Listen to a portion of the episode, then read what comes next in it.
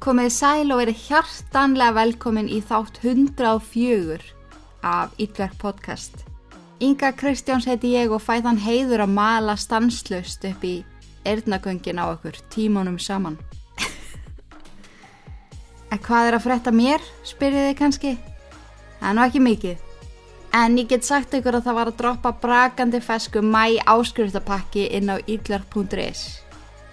Ef að þið vissu ekki þá getið þið skráðu ykkur í áskrift fyrir 950 krónur og fengið þannig 5 auka trúkrem þætti í mánuði. Ásand því að geta hlustað á þessa fríu vikulegu þætti algjörlega án auglýsinga. Þannig að ég hveti ykkur til að kíkja á það ef ykkur vantar stærri glæpa skamti í æð. Það er líka skemmtilegt að segja frá því að podcastið er komið glænían styrtaræðila. Save.is sem er íslenskt fyrirtæki sem að framleiðir tannkvítunar vörur. Ég er ekkit eðlilega spennt fyrir því og ég skal segja ykkur betur frá því á eftir. En mál dagsins, wow, það er ótrúlega áhugavert og ég er ekki frá því að ég hef aldrei heyrta í podcasti áður.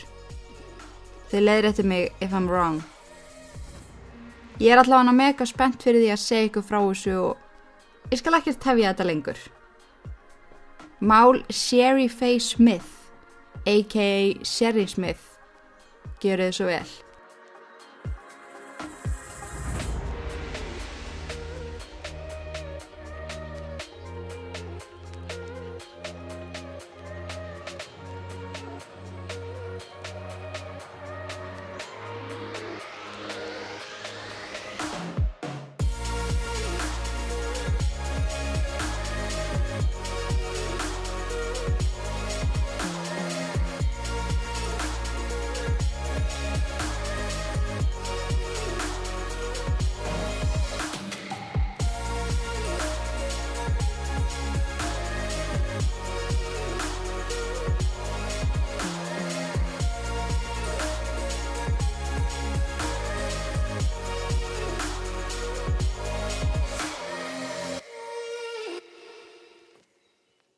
Hinn 17 ára gamla Sherry Faye Smith sem að hafði alla tíð verið kölluð Sherry var á heimleið förstu daginn 31. mæ árið 1985.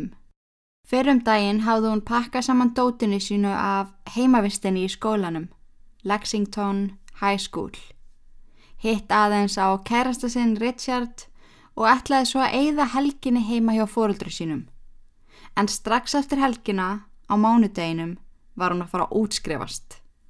Hún var ekkert eðlilega spennt og trúði því varðla að þessum kapla í lífi hennar væri að ljúka og til þess að fagna því ætlaði hún að fara með vinkonu sínum í siklingu.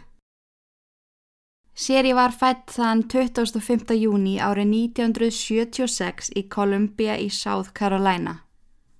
Hún var millibann fóreldra sinna þegar Hildu og Robert Smith Eldri sýstrannar hétt Dawn og yngri bróðurnar hétt Robert Yngri. Fjölskeldan var mjög náinn, trúið og allan hátt til fyrirmyndar.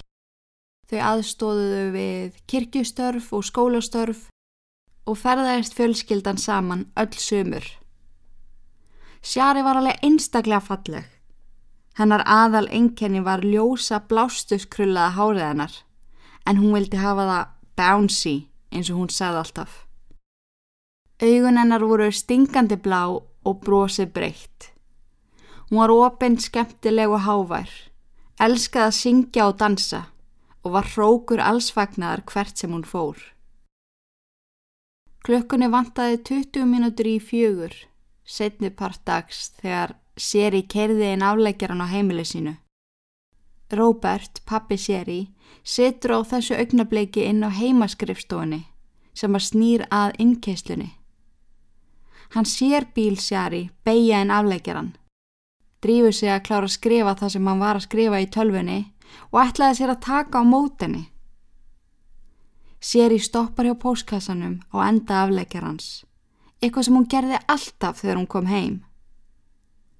Robert lítur aftur út um glukkan og sér að bílinn hennar var stopp og grunaði strax að hún hefði stoppað til þess að sækja póstinn. Það liði nokkra mínútur og hann leitt aftur. En þá var bílinn stopp. Skrítið. Hann gengur út á bílaplan og kallar til hennar. Hann sá yngar reyfingu fyrir utan bílinn eða inn í bílnum. Seri var með síkusíki, svo svo hugsun laumaði staðunum að kannski hefði hún fengið kast og dotti í jörðina.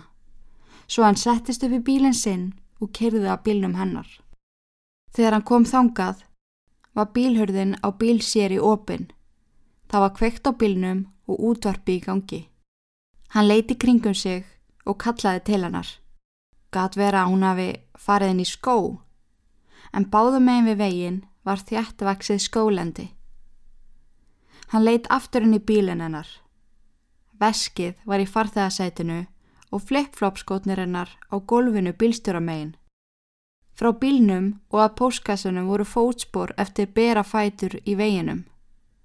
Engin spór aftur tilbaka og í runnanum fyrir aftan póskassan lág pósturinn þeirra. Róbert ringdi í félagsinn í lauruglunni og baði hann um að koma og kíkja á þetta. Það væri eitthvað stórfurðulegt í gangi.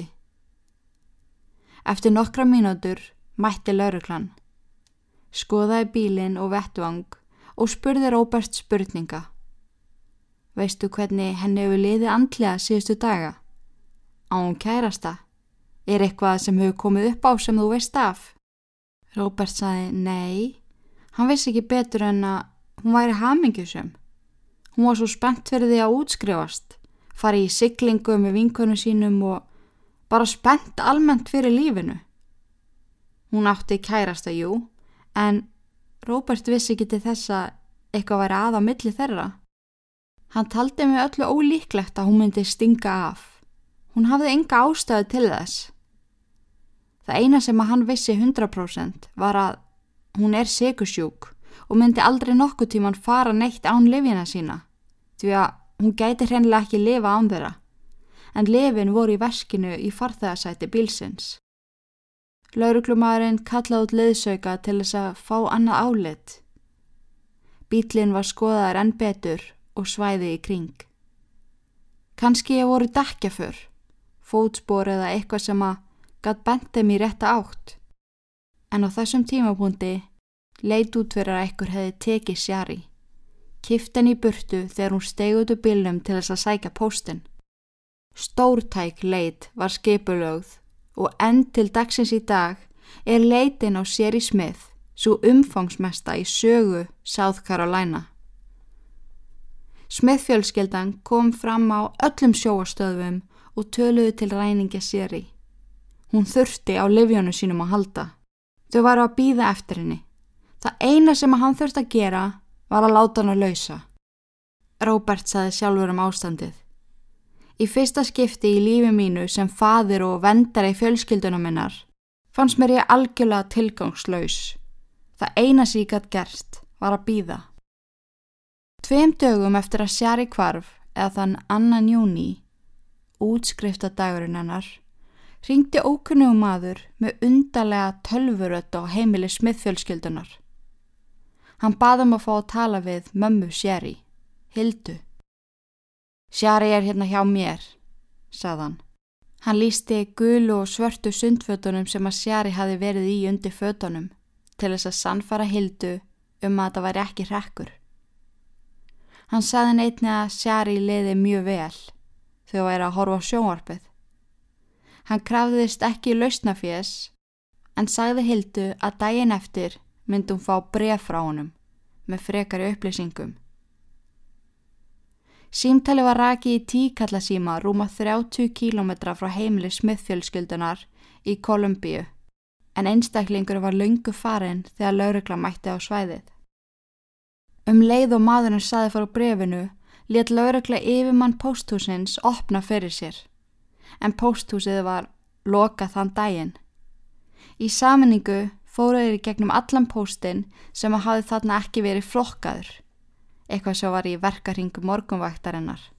Þeir urðu að finna þetta bref strax, því hver klukkutími gætt haft svo mikil áhrif á leitin af henni, þá sérstaklega út af sikursíkinni.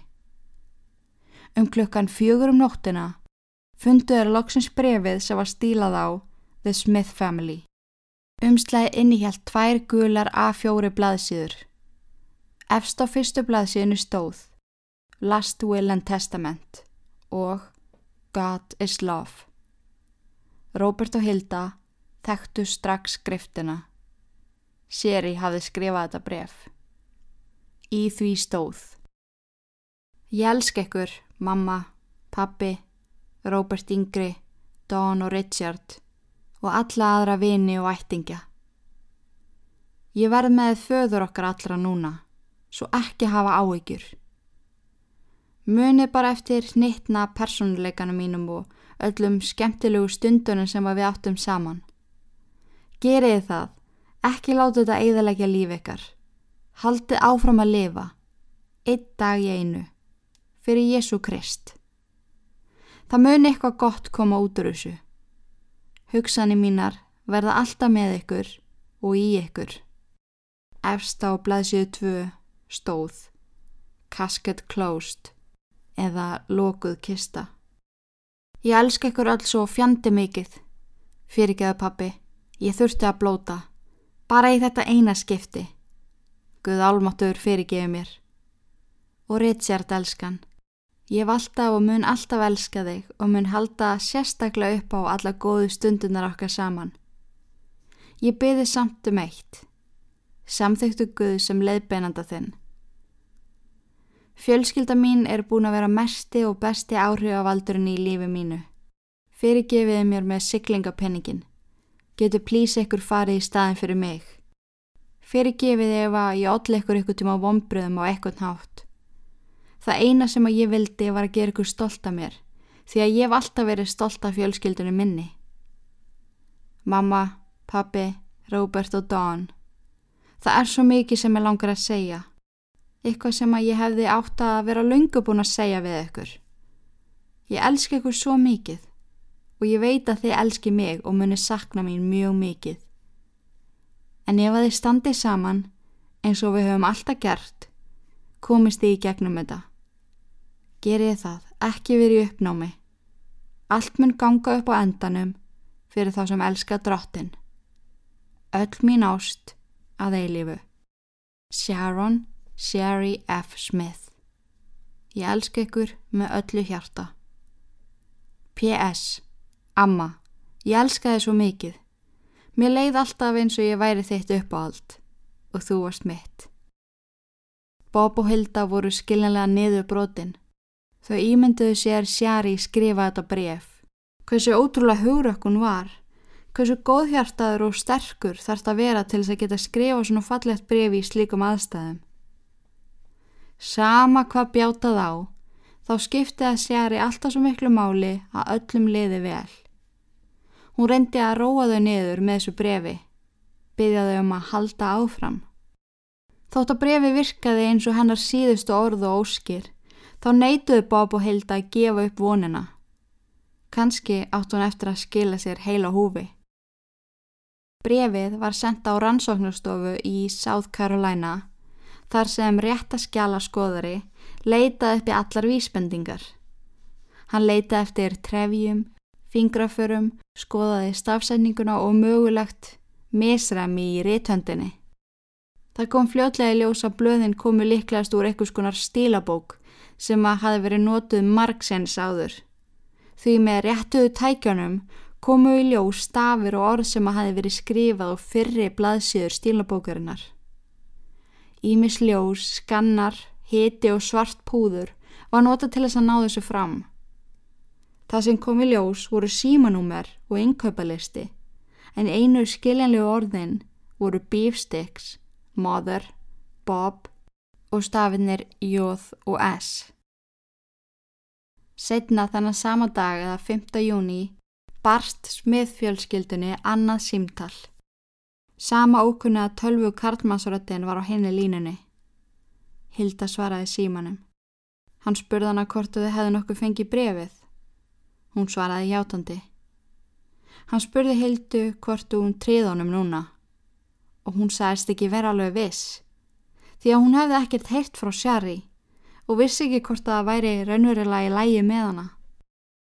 Madurinn saði henni þá að hún fengi vitað eftir 2-3 daga. Setna um kvöldið ringdi maðurinn svo aftur, En þetta símtal var sérstaklega undalegt. Hann sagði, Sjari er núna hluti af mér, líkamlega, andlega, tilfinningarlega. Sálur okkar eru komna saman sem einn. Hann sagði að Sjari hafi skrifa brefið klukkan tíu mínútur yfir þrjú, en klukkan tvær mínútur í fimm hafi sálir þeirra orðið eitt. Hilda spurði hann hvað hann ætti eiginlega við, en hann sagði hann að spyrja ekki fleiri spurninga og krafðist þess svo að þau myndu byggja lauruglu að hætta leitin af henni. Hann endaði svo símtalið á, Sjari elskar ykkur öll og saknar ykkar, kvílið ykkur nú vel. Góða nótt.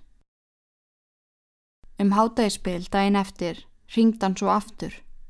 Hann saði Hildu að hlusta vel og vandlega og hóf svo að gefa henni leiðbynningar að ákveðni staðsendingu. Hann endaði svo símtalið á Þeir eru að býða. Guð valdi okkur. Á þessum tímapunkti var laurugla á heimiri fjölskyldunar dag og nótt og öll símtöl voru tekin upp. Leifbenningarna voru skrifaða neður og laurugla ógi flíti að staðsendingunni sem að maðurinn gaf upp. Það sem fannst á staðsendingunni var martröð allra. Lík sjari var nákvæmlega þar sem að maðurinn hafi bentum á að fara. Bakvið gamalt yfirgefið gistiheimili í Salúta síslu, 29 kílometrum frá heimili fjölskyldunar. Krupning leiti í ljós að Sjari hafi verið látin í um fjóra daga og tali var að hún hafi verið drepin rúmum 12 klukkustundum eftir að henni var rænt. Vegna rótnunar var erfitt að komast að dánar orsökum en á andleiti hennar fundust leifar af teipi, svo mögulega var hún kæfuð. Lokkar úr hári hennar hefðu verið kliftir úr því að limbandið hafði flækst í því og ræningin vissi að teip vendaði fingra för ansi vel, sem að benti til þess að ræningi og morðingi sjari vissi hvað hann var að gera. Hann vissi að ef hann skildi eitthvað eftir á líki hennar, gæti það beint lauruglað honum. Út á ástandinu á líkinu fundust engin gögn nýja DNA síni og það var ekki heldur hægt að sjá hvort hún hefði verið kynferðslega misnótuð eða ekki en samkvæmt tímalínu og rótnun líksins var talið sennilegast að hann hafi drepið hann á tvær mínútur í fimm á þeim tíma sem hann saði að sálir þeirra hafi orðið eitt. FBI atferðlis vísindamenninir John Douglas og Ron Walker settu fram ítalegar upplýsingar um morðingjan.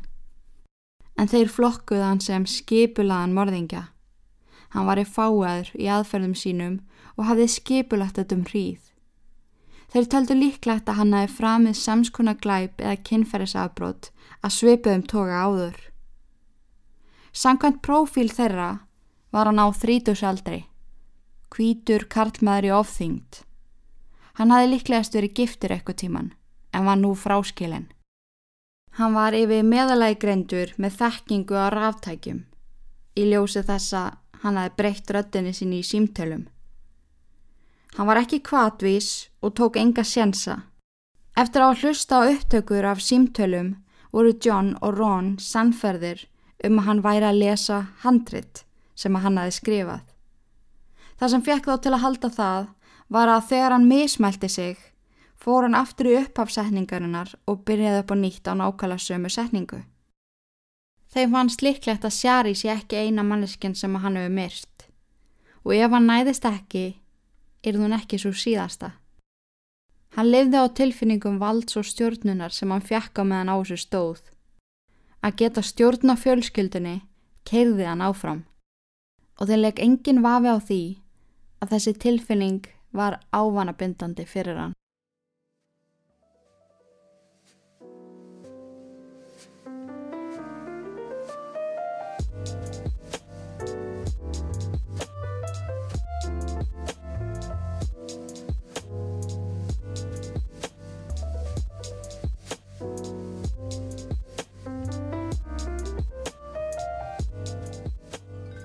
Hver vil ekki vera með kvíta tennur? Nei, ég bara spyr.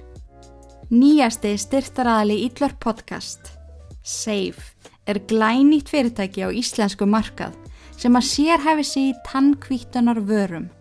Þær eru hannaðar þannig að þær eru þægilegar í nótkun, skila fljótt, miklum árangri og þú getur notað þær heima hjá þér. Ég er ekkert smá spennt fyrir því að prófa mig áfram með þetta og ég mun að sjálfsögðu deila með ykkur gangi mála. Þanga til langar mig að hvetja ykkur til að skoða vefverslun þeirra. save.is s-a-2-f-e.is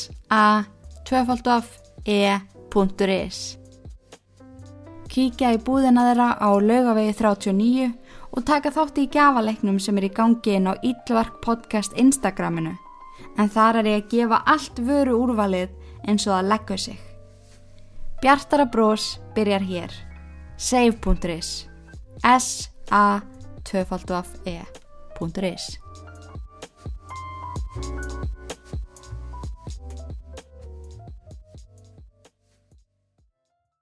Hæ, Inga hér. Ég vil minna á Íllörk Plus sem er áskriftarleið podcastins. Með því að skráði þar færðu 5 auka trúkram þætti í mánuði og getur hlusta á vikulegu fríi þættina án allir á ylýsinga. Áskriftin kostar 950 á mánuði og engin binding.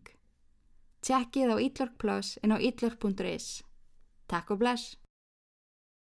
Eftir að lík Sjari fannst, hjælt morðingin áfram að ringja í fjölskylduna. Og nú var hann farin að óska sérstaklega eftir því að tala við eldri systur Sjari, Dawn. Tveim dögum eftir að lík Sjari fannst, ringda hann og baðum að fá að tala við Dawn. Hann sagði henni að hann væri búin að ákveða að gefa sig fram til lauruglu, en væri líka íhugað að drepa sig. Hann baði hann að svo um að fyrirgefa sér kallaði Dawn ávart Sjari og öfugt ítrekkað. Þetta fór allt saman úr böndunum. Þetta átti ekki að fara svona. Það eina sem ég vildi gera var að njóta ásta með Dawn. Nei, ég meina Sjari, sagði hann. Þann 10. júni var Sjari lögð til kvílu og kistan höfðu lokuð eins og hún aði óskað eftir í brefinu. Um kvöldi ringdi morðingin aftur og baðum að fá að tala við Dawn. Hann útskýrið fyrir henni hvernig hann misnótaði sýstur hennar kynferðislega áður en hann kefðana. Hann útskýrið fyrir Dawn að hann hefði leift sér að velja hvernig hún myndi deyja, ásandi að leifin að velja klukkan hvað, en hún valdi að deyja klukkan 5, en hann hafði verið aðeins og fljótur á sér og drap hana óvart tvær minnur í. Hann leifði henn að velja hvort að hann myndi skjóta hana gefinni ofstóran skamt af livjum eða kæfana og hún valdi síðasta kostin. Ég vafði teipi marga ringi í kringum höfuð á henni, svo þjátt að hún hætti að anda. Hún dói í höndunum á mér. Guð var tilbúin að fá hana til himna, sem engil. Svo skellt hann á. Næstu tvær veikurnar var ekkert ringt í fjölskylduna. En nákamlega 14 dögum eftir síðasta símtal hvarf henn nýjára gamla Debra May Helmick. Hún hefði verið út að leika sér fyrir framann húsið sitt í Richland County, rúmum tíu kílometrum frá heimili smiðfjölskyldunar. Debra líktist sér í. Hún var ljóserð, falleg með stór blá augu og breytt brós. Um leið og hvarf hennar var tilkynnt voru John Douglas og Ron vissur um að sami maðurinn hefði rendinni en það fannst þeim líklegt að séri erði ekki hans síðasta fórnalamp. Sá sem að gerði þetta þyrsti í aðtegli. Þegar hann fann að mál séri fór að róast, varð hann að upplifa kikkin aftur. Það varða að bræðast mjög fljótt við þessu, annars er þið Debra ekki síðasta fórnalampans heldur. John Douglas og Ron komið þá með hugmynd að setja upp heljarinnar leikrit til þess að aðtóa hversu vel ræningin fylgdist með. Það var ákveð að hafa minningaratöfn við gröf séri og fjölmela bennir um að fjalla um aðtöfnina. Dawn, sem var í miklu uppáldi morðingjans, átti að leika aða hlutverk. Það sem hún átti að gera var að leggja kólabjörns bánsa á gröf sýstu sinnar, en kólabjörni voru uppál stýr séri. Ef að morðingin var að fylgjast með, þá myndana öllum líkjandum laumast að gröfinni þegar enginn sá til og taka bánsan sem minnjagrepp. Yfir hundra manns mættu í kirkjugarðin til þess að stiðja við smiðfjölskylduna. Á meðan gengu óenginnisklætti lauruglumennum og tóku niður öll bílnúmer á bílunum í kringum garðin. Þegar aðtöfnin var búinn, földu nokkru lauruglu þjóna sig og fyldust með gröfinni. Í þeirri von um að myndi koma og taka bánsan, en hann gerði það aldrei. Hins vegar ringd hann í smöðfjölskeldana um kvöldið. Í þetta skipti var röttin ekki tölvurött. Hann virtist tala með sinni eigin rött. Hann saði að aðtöfnin hafi verið mjög falleg. Hann talaði endalast um Guð og hvernig séri væri loksins komin til himna. En svo saði hann í síman við Dawn.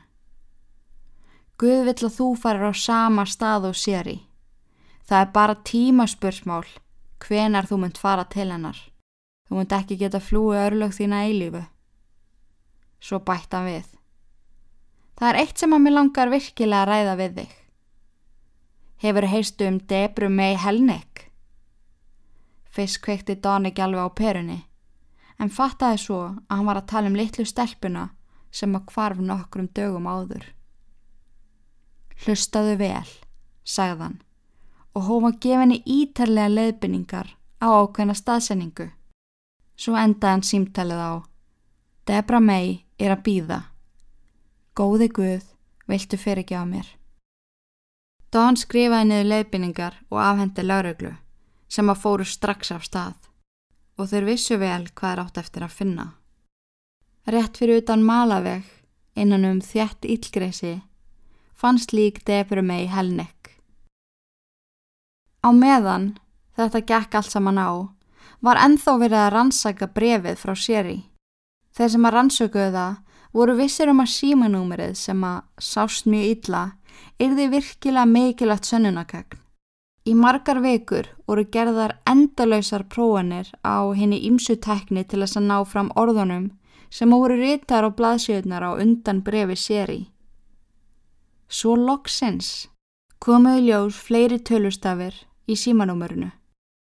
En síðasti tölustafirinn náðist ekki fram. Númeri byrjaði á 205 sem er þá Alabama-númer og næstu þrýr tölustafirnir voru 837 sem er Huntsville í Alabama. Núna þurfti bara að prófa sig áfram með þannan síðasta enda tölustaf og endanum svaraði ekkur í síman. Lauruglan spurði mannin sem að hljómaði frekar ungur hvort hann hefði eitthvað tengsl til South Carolina og hann svaraði játandi. Fóreldra mín er búaðar. Ellis og Louis Shepard. Heimili þeirra var 5 kílometrum í burtu frá heimili smiðfjölskyldunar. Laurugla fór á heimili Shepard fjölskyldunar og spilaði fyrir þau síðasta símtælið frá manninum. Það eina sem var ekki breytt í tölvu. Þau voru ekki lengi átt að sjá því hver átti röttina. Þetta er Larry. Larry hver, spurði lauruglan. Larry Jean Bell, hann passaði fyrir okkur húsi á meðan við vorum á ferðalagi. Hann vökuði plöntunar og gaf köttunum. Við skildum eftir númur á eldursporðinu sem að hanga tringti ef eitthvað kom upp á. Sónur okkar í Alabama og númeri sem að þeir ringdu fyrst í. Þau sáðu lauruglu frá því að þegar Larry kom og sóttu þau á flúvöllin hafa hann verið virkilega utan við sig. Hann var órakaður og hafði grenst. Það eina sem hann vildi tala um alla leiðina var kvarfið á smiðstelpunni. Herbyggið sem að Larry dvaldi á heimili Shepard fjölskyldunar var skoðað í kjölfarið. Það var tandu hreint, búið um rúmið og allt á sínum stað. En á golfinu fundust sex ljós hár. Eftir nánari rannsókn á hárunum komi ljós að það tilherði séri. Larry hafði öllum líkendum kæft hana inn í þessu herbergi. 27. júni árið 1985, 28 dögum eftir að hafa rænt og síðan myrt Sjari Smith, var Larry handtekinn. Hann neytaði allri sög og klíndi henni á Bad Larry eða Vonda Larry. Það var ótrúlegt fyrir John Douglas og Ron að sjá hann með berum augum því að hann var svo ótrúlega líkur prófælnum sem að þeir höfðu sett upp. Það eina sem að var aðeins á mis var að hann var 35 ára en þeir töldu hann hafa verið í kringum 29 ára. Fyrir utan það var þetta svo ótrúlega nákvæmt. Í februar 1986 hófust svo réttahöld. Hann hagaði sig mjög undala í réttasal. Öskraði að Móna Lísa sé maður og The silence is golden, my friend. Það tók hviðdóm 47 mínútur sem er mjög stuttu tími að taka ákvörðun. Larry Jean Bell var dæmdur til dauða. Réttahöldin í máli Debru Helnick fóru fram nokkrum vikum síðar, þar sem að hann fekk annan döðadóm. Frekka kaltænislegt en Larry fekk sveipa val og hann hafi gefið sér í. En hann mótti velja hvort að hann fær í ramagstólinn eða fengi bannverna spröytu. Hann valdi stólinn.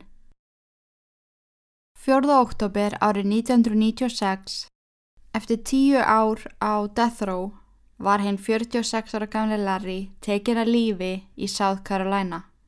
Það var engin fjölskyldumælumur viðstatur og hann kausa eiga engin síðustu orð og enga síðustu máltíð.